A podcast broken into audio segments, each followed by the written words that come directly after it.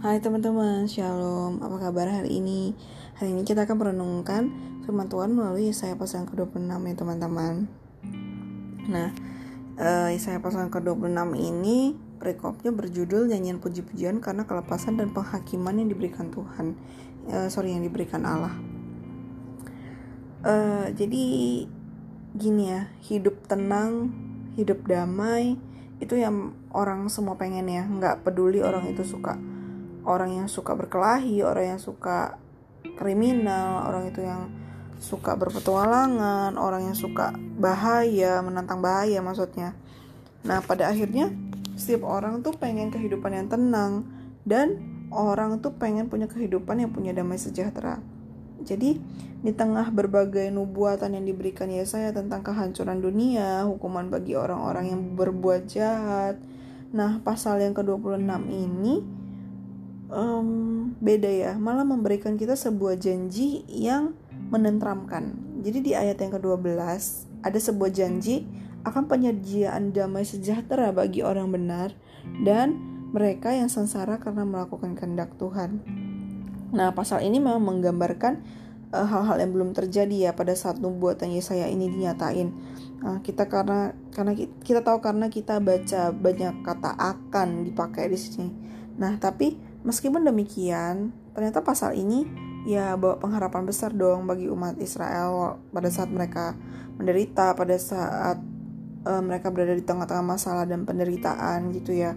Pasal ini menurut mereka bukan janji-janji manis gitu ya, tapi uh, apa janji Tuhan melalui saya ini jadi apa titik pengharapan imannya orang Israel juga ya. Dan untuk kita pada zaman sekarang ini orang percaya gitu ya. Apalagi kita ada di masa pandemi kayak gini kita ngerasain banget ya gimana rasanya uh, berada di dalam apa ya namanya keadaan yang menghimpit kita gitu. Kita nggak boleh ke mana-mana. Kalau mau keluar untuk pekerjaan yang esensial juga kita harus sangat berhati-hati karena kita nggak tahu uh, virus ada di mana virus ada di mana-mana kayak gitu ya nggak kelihatan gitu nah uh, pasal ini memberikan kita semangat memberikan kita pengharapan gitu ya sebenarnya apa sih yang membedakan janji manusia sama janji Tuhan? Ya saya menegaskan itu dengan bagaimana semua itu hanya karena Tuhan aja. Di ayat yang ke-7 ya. Manusia bisa berjalan lurus itu pun karena Tuhan yang meluruskan jalannya. Di ayat yang ketiga, hati orang bisa teguh itu juga karena Tuhan yang menjagai. Di ayat yang ke-15, kalau mereka bisa bertambah itu karena Tuhan yang tambahin Nah, uh, kita percaya bahwa jika nanti kita tertolong, jika nanti kita selamat, itu pun karena Tuhan yang tolong dan selamatin kita gitu ya. Jadi uh, janji manusia itu berkata uh, mereka akan melakukan ini dan itu. Asal kita juga melakukan ini dan itu. Tapi janji Tuhan tuh beda. Janji Tuhan jika kita bisa melakukan sesuatu itu pun karena Tuhan yang berkarya di atas segala sesuatu yang kita kerjakan. Bahkan gak kita taat pun itu karena Tuhan gitu ya. Tuhan tuh mau kita tuh percaya sama dia loh. Gitu ya.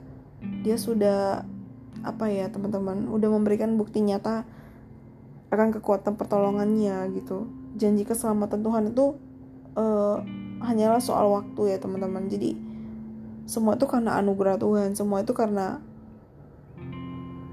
apa ya semua karena anugerahnya lah gitu. Kita hanya perlu percaya aja sama dia gitu. Maka uh, kita percaya kalau janji Tuhan itu penyediaan damai sejahtera itu